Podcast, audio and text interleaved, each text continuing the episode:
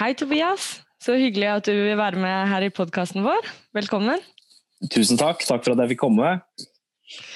Du, vi har jo veldig lyst til å bli eh, litt bedre kjent med deg. Du er førstekandidat for Rødt i Telemark. Men vi lurer jo på hvem er du, hvem er du utover det? Kan ikke du fortelle litt om deg selv?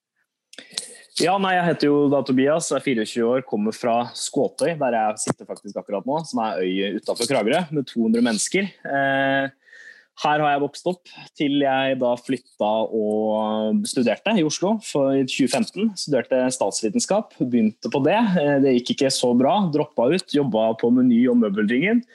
For så da å bli leder i Rød Ungdom. Da. Så jeg har jo egentlig fra 2018 til nå i mars jobba fulltid med politikk. Eh, og nå blir det en ny runde hvor jeg nå faktisk er så heldig å være fulltidspolitiker. Eh, om nå ikke med full godtgjørelse, så er det nok likevel å leve på. Så jeg skal jobbe med fylkesting og med stortingsvalgkampen eh, for bånn gass nå videre neste halvåret. Ja, kult. Det er jo kanskje statsvitenskap litt mer i praksis. Ja, det er det jeg tenker, og jeg fant ut ganske tidlig at det var gøyere å på en måte være med og drive med politikk enn å lese om uh, gamle hvite menn som hadde gjort det. Uh, så det var uh, Ja, det ga meg litt inspirasjon da, å være med i RU og Rød Ungdom og se hva man kunne få til, heller enn å sitte på Blindern, dessverre. Så jeg er ikke den flinkeste studenten, men jeg er i hvert fall veldig opptatt av politikk. Ja. Ja. Hvordan har det vært da, å ikke være RU-leder lenger? Det er jo litt sånn tomrom, da, fordi fra 2016, eh, da jeg ble nestleder, til nå i mars, så har jeg på en måte hele livet mitt handla om Rød Ungdom. Og så plutselig så kommer det mandag etter landsmøtet, og øh, så er man ikke eh, leder i Rød Ungdom lenger. Og da er det sånn Oi, nå må jeg prøve å være sammen med vennene mine. Nå må jeg prøve å finne på fritidsaktiviteter. Så jeg har faktisk klart å begynne med et par ting. da. Begynte å spille squash. Har bl.a. også begynt på jegerprøven. Så det er liksom et par ting jeg har satt meg for mål. og ja, prøve å finne noen hobbyer som jeg kan drive med i tillegg til politikk. Så blir det sikkert litt mindre av hobbyene nå neste, neste halvår. Ja. Jeg tror det er utrolig viktig altså, å ha noen sånne hobbyer ved siden av som gjør at du ikke, ikke helt At det eneste livet handler om er politikk. Da. For da, ja. da glemmer du også litt hva, hva, politikken handler om, når du ikke møter folk, folk utenom i sånn, eh, med politi politikerhatten på. Ja. Liksom. ja, det er det også, for nå flytter jeg jo hjem til Kragerø om to uker, faktisk. Så det blir jo kjempespennende. Men der er jo mine venner Eh, kan jo sies å være litt mindre politisk engasjert. De er ikke inne i den samme bobla som det vi er. Så egentlig er det litt fint å få litt impulser fra utsida som kan liksom spørre litt og stille litt spørsmål og utfordre litt. Da. Bare sånn, hva er det egentlig du snakker om, Tobias? Eller hva betyr det her? Og, ja, man, blir, man, får litt annet perspektiv på ting. Da. Man må være utafor den Oslo-bobla, for å si det sånn. Ikke sant? Og Det har du kanskje ja. gjort også i de, i de, årene du fortalte oss før, før sendingen, at, uh, at du har jobba over syv år i, i butikkjeder og jobba på Kiwi og på Meny. Ja, jeg, jeg, lurer på faktisk om det er åtte år har jeg hatt deltidsjobb, uh, i hvert fall på sommeren. Da, og også på videregående så jobba jeg mye mer enn det, på Kiwi. Uh, og så har jeg da jobba et halvt år på Meny og Møbelringen, Så jeg har jo litt erfaring fra det man kan kalle gulvet, sjøl om jeg nå jobber fulltid med politikk. Ikke sant? Hva er det du tar med deg fra, fra de jobbene der, når du, når du, nå skal sitte i, i, kommun, i, i fylkestingssalen og, og, kanskje til og med på Stortinget? Hva er det du tar med deg fra de, de jobbene? Nei, nå I sommer så var jeg en av disse berømte som jobba eh, i førstelinja. Altså disse butikkansatte. De fikk jo mye applaus og mye skryt eh, på sosiale medier og av politikere og avisene, men det var jo lite som eh, egentlig eh, kom ut i praksis. fordi På sommeren så var veldig mye glemt. Altså Kragerø er jo en stor turistkommune. og Det er jo 40 000 eh, besøkende her. Eh, turister hovedsakelig fra Oslo, Oslo vest og Asker og Bærum. Det er ikke noe vondt om de. Men det er jo mange pengesterke mennesker som kanskje ikke helt uh, veit hvordan livene til de som jobber i butikken er. da. Så det var mye av uh, hva skal jeg si, uh, klappen og applausen var glemt, og de var sure på koronatiltak og de var sure på at man hadde restriksjoner på hvor mange det var i butikken. og Tross alt så skulle jo noen av disse menneskene bo bare på annekset, og de var ikke i samme hytte. Og det er litt sånne ting, så jeg tror man, man, man får jo jeg, jeg, vil si at jeg får voksne klasseforakt egentlig av å jobbe i servicebransjen i Kragerø på sommeren. og også skjønner hvor viktig det er med klassekamp. Stå side om side med arbeidskameratene mine og også jobbe for eh, fagorganisering og bedre rettigheter og vilkår for de som jobber da, i servicebransjen. Eh, fordi de trenger ikke bare applaus, de trenger faktisk en god lønn eh, og hele stillinger også. Mm, absolutt. Men du, Tobias, jeg blir litt sånn eh, nysgjerrig, fordi nå her begynner det på en måte å male seg en sånn tidslinje over ditt liv, som nå har endt med snart stortings... Eh, eller stortingskandidatur og squash og jegerprøven. ja. Men hvordan Altså, når var det Når var det du på en måte fikk din sånn eh, politiske bevisstgjøring, eller hva var det som gjorde at du mm. meldte deg inn i RU på et tidspunkt? Ja jeg har veldig politiske foreldre. Jeg er ganske eh, velsigna med det, kan man si. Både mamma og pappa har jo vært blitzere eh, og liksom skikkelig hardcore punkere. Eh, pappa var med å være med i Rød Ungdom her i Kragerø en gang i tida, men så var Rød Ungdom for det var for uh, kjedelig for han, for han var jo anarkist. og så da har jeg også en farfar som har vært veldig aktiv i Rødt. Vi satt jo i kommunestyret sammen i Kragerø i forrige periode fra 2015 til 2019, så det var jo ganske gøy å sitte på bakerste rad med han. Eh, så jeg har jo på en måte fått inn med morsmelka. Jeg begynte jo da å gå på møte med Rødt allerede i 2009, tror jeg. Altså sånn, da var jeg vel 11-12 år, da, og så meldte jeg meg inn i 2010. Måtte du ha tillatelse hjemmefra da, for å dra på møter? Eh, nei, jeg dro bare med bestefar, så jeg fikk, jeg fikk en tillatelse. Eh, så meldte jeg meg inn i det jeg ble 13, eh, og ble med i RU året etterpå, faktisk. Eh, og det ble jeg egentlig gjennom Natur og Ungdom. Vi var en del Vi, vi hadde faktisk de største Natur og Ungdom-lokallagene i, ja, i, landet på et tidspunkt. Vi var vel over 30 stykker som møtte på møtene. Kjempeaktiv Natur og Ungdom-lag, så jeg ble jo egentlig veldig opptatt av klimapolitikk tidlig så var vi en del der som var Så fant ut at vi var med Rødt, da, eller som vi sympatiserte med Rødt. Så starta vi Rød Ungdom da, i Kragerø i 2011, eh, etter 22. juli. Det kan sies at det var liksom 22. juli som ga meg eh, startskuddet for å skjønne at jeg måtte engasjere meg aktivt politisk. Da. Ikke bare dra på møte, men faktisk liksom, ja, bygge ungdomsorganisering og så gjøre noe da, eh, i kraft av det som hadde skjedd den sommeren. Jeg hadde jo venner og sånn som var der fra Kragerø. Så ja, nei, det var liksom Min politiske oppvåkning starta for fullt da, den høsten i 2011. Og det tror jeg det gjorde for veldig mange andre også i min generasjon. Mm. Ja, mm. det tror jeg også. Jeg husker jo det veldig godt uh, i mine kretser også.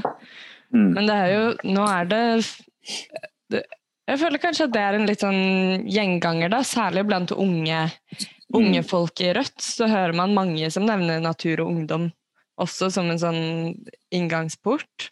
Ja. ja dere har jo hatt Marie Sneve Martinussen her også, ikke sant? så det er jo, hun har jo nevnt det. og flere andre. Eh, så er, jeg tror mange har vært gjennom eh, natur og ungdom også, eh, mm. i, i Rødt-systemet, for å si det sånn. Ja. Kjenner meg igjen, jeg kjenner meg igjen. Så ja, ja. Det er vel ti, ti, år i nat og og et år i sentralstyret på meg òg, så det er, ja, det er fint, fint sted å ha vært, vært gjennom på veien til, til, Rødt. altså Mye bra erfaring. og De er jo mm. flinke til å organisere seg, så det å, det å plukke noen triks fra Naturungdom, det er veldig smart.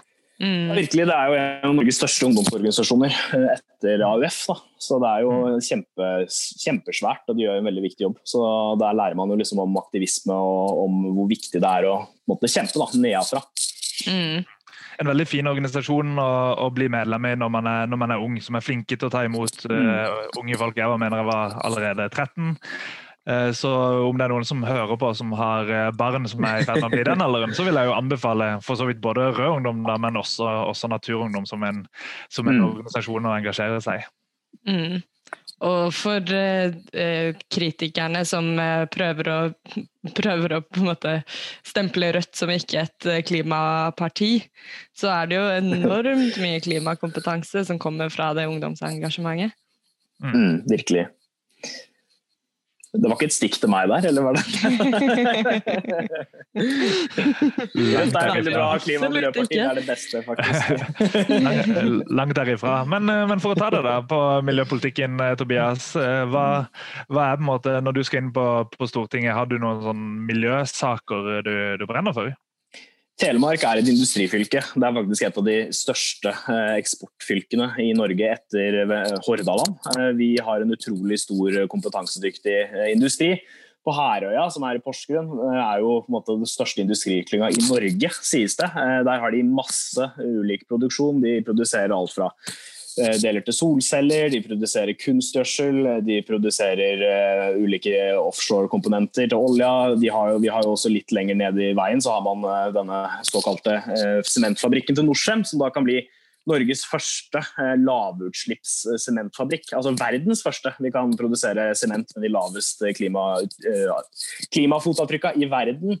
Eh, så vi har jo veldig mye industri, og jeg tror det på en måte er det som jeg kommer til å gå inn i valgkampen med. At Telemark er industrifylke. Industri er en del av løsninga, ikke liksom problemet. Og at vi trenger å omstille industrien og hjelpe de til å gå gjennom omstilling og produsere på en måte, industriprodukter med lave klimaavtrykk. Eh, og det, det er viktig. Eh, og det blir sagt uansett hvor man er i Telemark, at eh, husk at Telemark er industrifylke. Og det er jo virkelig sant, fordi veldig, veldig mange jobber i industrien. Så det tror jeg blir en viktig del av det. Klare å kommunisere og egentlig mobilisere industrien til også å være på lag da, for å ta de nødvendige omstillingene som man trenger. Og vi har jo starta, altså I Vestfold og Telemark på fylkestinget så har vi faktisk fått et veldig offensivt klimamål. Vi skal jo redusere utslippene med 60% mot 2009-nivå, eh, altså til 2030. Og Det vet jo ikke vi, det er mye mer enn regjeringa, det er mye mer enn hva man gjør på Stortinget. Og Vi har sagt at det er et mål som vi skal sette oss, og det gjør vi sammen med industrien, det gjør vi sammen med fagbevegelsen og miljøbevegelsen. og det, det er sånn vi må gjøre det. Vi må rett og slett eh, snakke med de som er involvert, og så mobilisere de og få de med på det taket. Hvis ikke så kommer vi aldri til å klare det. Hvis man bare utformer miljøpolitikken fra kontorer i Oslo, for å si det litt sånn flåsete. Mm. Og Det er jo veldig spennende med denne sementindustrien, fordi den er jo helt enorm i verden. Det er jo sement mm. man bruker for å bygge de aller fleste bygg, egentlig. Eh, og, og, det er vanvittig utslipp knytta til sementindustrien. Så det at man får et sånt eksempel fra, fra Telemark da, på hvordan mm. det kan gjøres eh, nærmest utslippsfritt, da. det er jo mm. helt eh, fantastisk. hvis vi har Sement. Sementfabrikken til Norcem i Brevik er jo det stedet med høyest punktutslipp på fastlandet i Norge altså rett opp i atmosfæren masse, masse. Fordi nettopp de har ikke energikilder nok til å varme, ha så mye varme man trenger. ikke sant? Å lage sementen. Man trenger over 1000 grader for å spalte eh, disse partiklene osv. Og, så og man trenger eh, veldig veldig mye eh, energi også for å liksom Hele prosessen da, med å lage sement. Så det at vi kan få på plass fullskala karbonfangst og -lagring der, det er jo helt utrolig og kjempebra, og det heier hele industrien på. da. Mm. Jeg blir sittende og tenker på altså Det er jo på en måte en av de største utfordringene vi har, nettopp det du nevner, å bygge på en måte den broen mellom mm. miljøbevegelsen og fagbevegelsen. Hva tror, du, hva tror du er det som på en måte lugger der, Eller, og hva er det vi må gjøre? Hvordan kan man få de til å snakke sammen? Hadde jeg hatt alle løsningene på det, så hadde det vært fint. Eh, men det har jeg egentlig ikke. Men jeg tror et sted å starte er jo å snakke med hverandre. fordi det har blitt ganske polarisert. ikke sant? Debatten er veldig sånn enten så går du klimademonstrasjon, eller så er du for industrien. Og det er ikke noe enten-eller. Det hører sammen. Uh, og nå er jo jeg litt uh, inhabil der, siden jeg jobber i Manifest, men det er jo bl.a. det Manifest Tankes vi har et prosjekt som går på nå, som heter Grønn industri 21.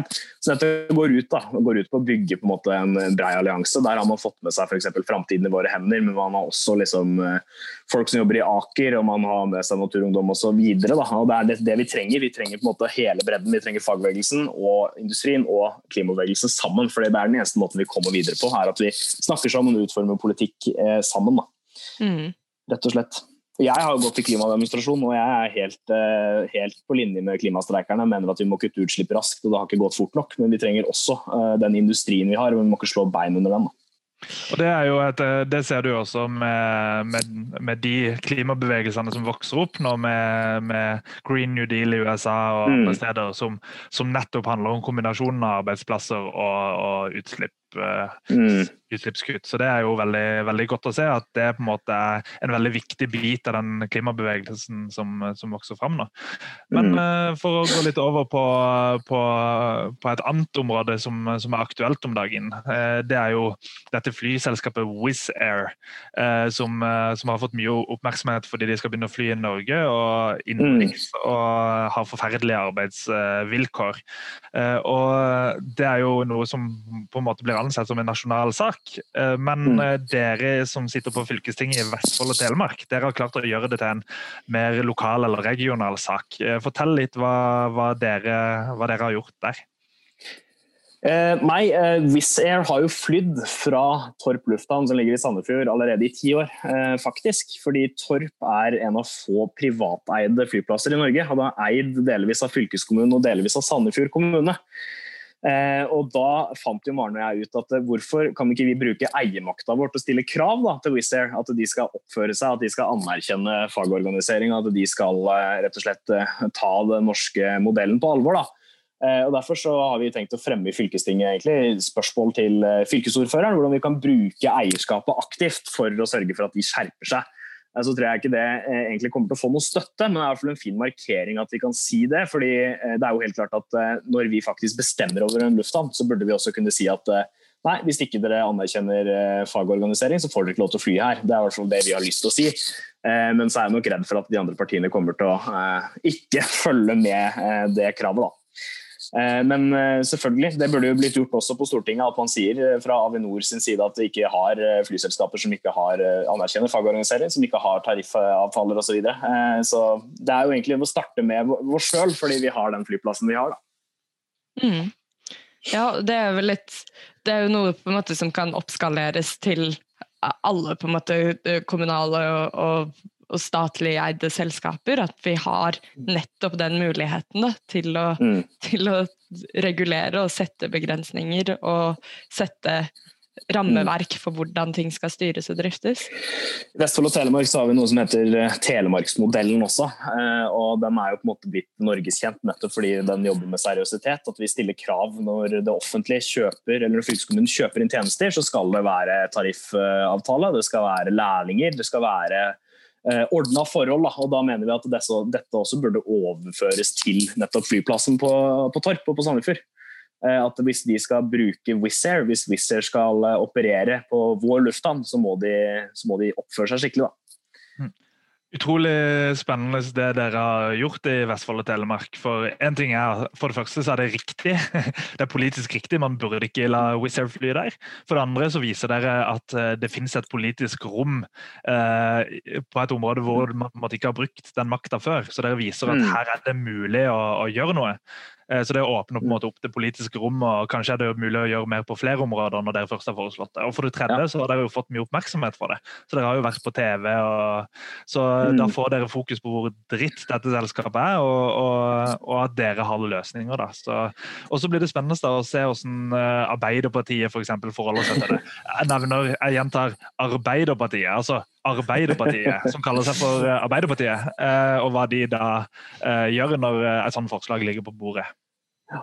Nei, Det blir spennende å se. Jeg tok jo tidlig en telefon til han som er leder for næringskomiteen i fylket. Jeg sitter jo i næringskomiteen, og han mente at det var vanskelig da, å gå inn for et sånt eh, forslag. Men Rødt kommer til å stå på vårt, og vi får se hvordan, eh, hvordan folk stemmer i fylkestinget. Det blir... men, det jo, men, det handler jo om aktivt eierskap. Det er jo egentlig næringspolitikk dette her òg. Sånn, ja. Vi er med å drive en flyplass, vi eier den flyplassen. Da skal vi også være med å bestemme hvordan den skal driftes. Og det er her også egentlig Rødt skiller seg fra andre partier. Vi vil jo ha mer politisk styring av eh, økonomien. ikke sant? Mm. Eh, og Det er jo ikke sånn kjemperadikalt. Hvis du går 50 år tilbake i tid, så var jo dette her Ap sin politikk, Reidar, som du mm. nevner. altså Dette var jo det man gjorde. Man gikk jo aktivt inn og styrte. Man lot jo ikke bare oljeselskapene ta for seg Nordsjøen, man styrte det politisk.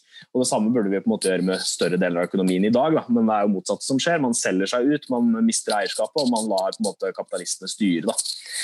Så det er eh, Ja. Der mener jeg Rødt på en måte er eh, det beste partiet eh, på venstresida i Norge. Ja, helt, helt enig. Men du Tobias, nå begynner det jo faktisk um, altså Nå er det under 100 dager igjen til stortingsvalget. Hvordan, hva tenker du om det? Føles det under 100 dager til stortingsvalget? Nei, 100, nei 300. da fikk jeg rett. Heldigvis. Under 300. Ja, ja. Nei, det er jo å bruke tida eh, godt. Altså, nå flytter jeg hjem. Jeg drev jo valgkamp fra Oslo i 2017. Jeg var førstekandidat da, og samtidig som jeg var nestleder i Ungdom. Det var kanskje ikke en like vellykka kampanje, det skal jeg gjerne først innrømme. Eh, men eh, det handler jo om å være rundt omkring. ikke sant? Møte folk, snakke med dem. Eh, og For min del er det litt å prøve å ta denne kaffekoppstrategien til Trygve Slagsvold Vedum. Altså, jeg tror den har noe for seg. Det der å møte mennesker med eller uten media, eh, men også det at man føler seg sett. da. I går så var f.eks. Rune og jeg fra Rødt Skien vi var og møtte de streikende vekterne. og De har jo ikke fått besøk på en stund. ikke sant? De har jo stått der, går inn i tolvte uke nå i streik. og Når vi kommer og tilbyr oss å bli med, så er de sånn Kjempehyggelig at dere kommer og slår av en prat. og Vi sto der en times tid med dem, men det er liksom det er de møtene der da, som er viktige tror jeg, i valget nå. At vi faktisk snakker med vanlige arbeidsfolk hvor enn de er, og støtter de i de konfliktene de står i, om det er streik eller hva det skal være. Eh, så Det er jo egentlig det jeg kommer til å bruke neste halvåret på. Dra masse rundt i Telemark. Lære masse om Telemark, om folka som bor der og om det vi lever av. og også håpe da, at eh, når valgdagen kommer neste år, at kanskje det er nok til å gi oss et utjevningsmandat fra Telemark. Og det mener jeg er oppnåelig. Det har eh, aldri vært stor det har aldri vært så stor sjanse for at vi kommer inn fra Telemark som nå, så jeg har virkelig trua. Så du går for utjevningsmandat og ikke direktemandat, altså? Eh, jeg er med mer rødt, men jeg er også realist. Jeg tror, jeg tror, nok, eh, jeg tror nok, det står om det utjevningsmandatet. Du kan jo si Senterpartiet var jo det som tok det siste direktemandatet forrige gang, og de hadde jo over 10% Så jeg tror vi må Det er jo bare seks mandater fra Telemark.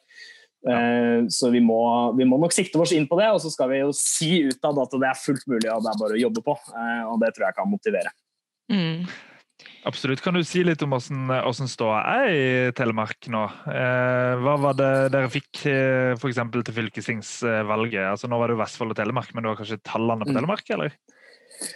Uh, det har jeg jo ikke i huet, det må jeg innrømme. Reinar. Jeg tror det var 3,9. Vi var jo partiet med nest mest vekst, det husker jeg, for det var et hyggelig tall. Det var Senterpartiet som vokste mest, og så var det Rødt. Så det tar vi jo til oss, og det er viktig. Og så er vi også større enn Venstre.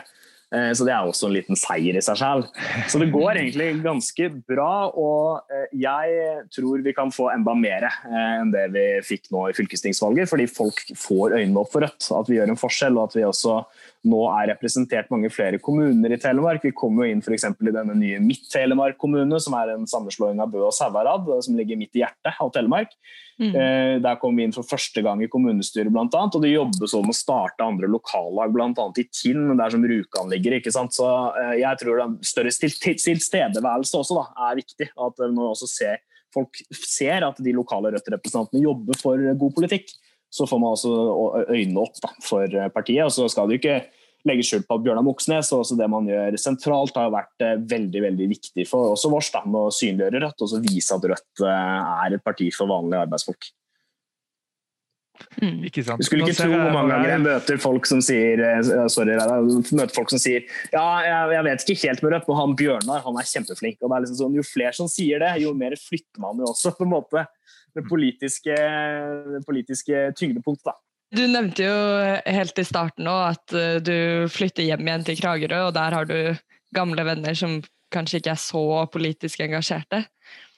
Men hvordan er det du tenker at du kan starte de samtalene med La oss si at uh, jeg har en vennegjeng som jeg, ikke, som jeg, gjerne vil snakke politikk med, men vet ikke helt mm. hvordan jeg skal gjøre det.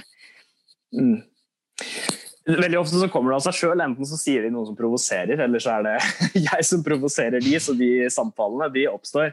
Eh, og dette er jo også Mine venner fra Kragerø er jo hovedsak eh, folk som har gått på yrkesfag. ikke sant? De er snekkere, og de jobber kanskje i industrien, og de har andre jobber. og det eh, de har jo, sitter jo også på mange erfaringer som er viktige for meg da, for Rødt tenker jeg også lære av. For det er folk som faktisk har skoa på og veit hvordan, hvordan arbeidshverdagen er der ute. Eh, så en, en, oppgave for meg har annet vært å prøve å fagorganisere da, disse kompisene mine. Og de aller fleste er jo det også, så det er jo veldig bra. De skjønner viktigheten av det, og viktigheten av fellesskap og at man står opp for hverandre da, når man trenger det. For det, det, er et veldig godt spørsmål fra, fra, Ingrid. der, for jeg tror at eh, En av de viktige jobbene vi har, det er å få alle de 10 000 medlemmene våre til å finne liksom letteste veien inn til samtale med folk de kjenner, for å overbevise dem om å, om å stemme Rødt. da. For eh, mm. det er jo sånn, Møter du en tilfeldig Rødt-person på gata, så er jo det en du ikke nødvendigvis eh, har, har, noe sånn kjennskap til, som du ikke mm. klarer å bruke dine personlige erfaringer på. Men hvis du snakker med folk som, som har tillit til deg, så, så er de mer interessert i å, i å mm. lytte. da.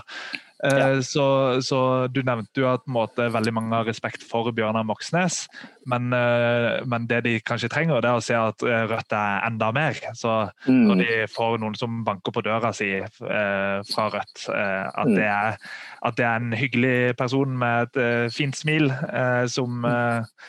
som også selger inn Rødt sin politikk, og at det ikke bare er Bjørnar Moxnes. Da. Så jeg vet ikke om du har noen sånne tips til på en måte, hvordan begynner du den samtalen? Uh, jeg tror det handler om å lytte til folk og problemene deres og prøve å svare ut eh, de, ikke på en overfra og ned-måte, men sette seg rett og slett inn i, i problemene. For det kan være helt oppriktige problemstillinger. som sånn, Uh, ja, snakk om, snakk om klima, da. Uh, så kjenner jeg noen som jobber i industrien, og så er de sånn Ja, men uh, vi kan ikke bare liksom, legge ned olja, vi kan ikke bare slutte med Som jobber i supply-næringa, da. Kan ikke bare slutte med det jeg driver med. Så jeg nei, det skal vi ikke. Men vi kan heller bruke de ressursene, den kunnskapen du har, da, til å lage f.eks offshore vindmøller da, eh, eller andre industrikomponenter. Eh, og Når man liksom får det litt i tale på det, så er det sånn dette er jo ikke dumt, dette er smart. Dette handler også om min arbeidsplass og min framtid. Så jeg tror det er sånn å ikke gjøre det på en belærende måte, men faktisk prøve å liksom sette seg ned sammen og prate med dem. Det er, eh, det er, viktig. Mm. Det er sånn vi vinner, over, altså vinner folk over på vår side. Ja, det tror jeg også er kjempeviktig. Og nettopp det som vi er inne på nå, da, å starte med starte med arbeidshverdagen til folk. Mm. Det vi gjør fra dag til dag, er så utrolig Det preger en så stor del av livene våre. Og det er kanskje de relasjonene hvor man kjenner mest på en usikkerhet mm. eh, og en urettferdighet. Og hvor på en måte de det Du nevner sier på en måte problemene våre, men hvor, hvor det er faktisk praktiske problemer som utspiller seg i hverdagen. Så det å snakke med folk og ta tak i liksom, arbeidshverdagen deres, er jo en utrolig god inngangsvinkel til å snakke om politikk. Det er absolutt det. Og så nevner jo Reidar denne her Bjørnar-effekten, eller kall det hva du vil. Eh, litt av det samme har vi hatt i Kragerø. ikke sant? Kragerø er jo en kommune som har hatt veldig høy, høy oppslutning for Rødt. Altså, I forrige periode så var vi jo det stedet i Norge med høyest oppslutning, med 16 ikke sant?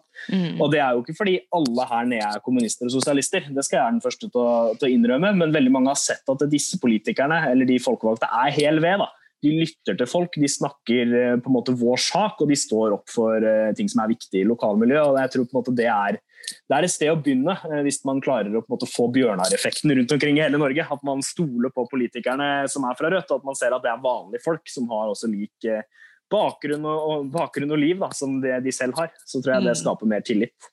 Ja, der har jo du virkelig en fordel når uh, alle i lokalmiljøet har sett deg på, sitte i kassa på Kiwi. I mange år så er det et kjent fjes. Ja, det er gøy det, å bli kjent igjen fra Kiwi. Eh, så, det tror jeg også kollegaene mine på Kiwi syns er litt uh, artig, da, på en måte at jeg driver med politikk. og jeg husker Det var liksom reaksjoner for et par år siden, for jeg jobba på Kiwi sjøl når jeg var leder i Rød Ungdom en sommer. Fordi jeg syntes det var litt gøy da, å jobbe der.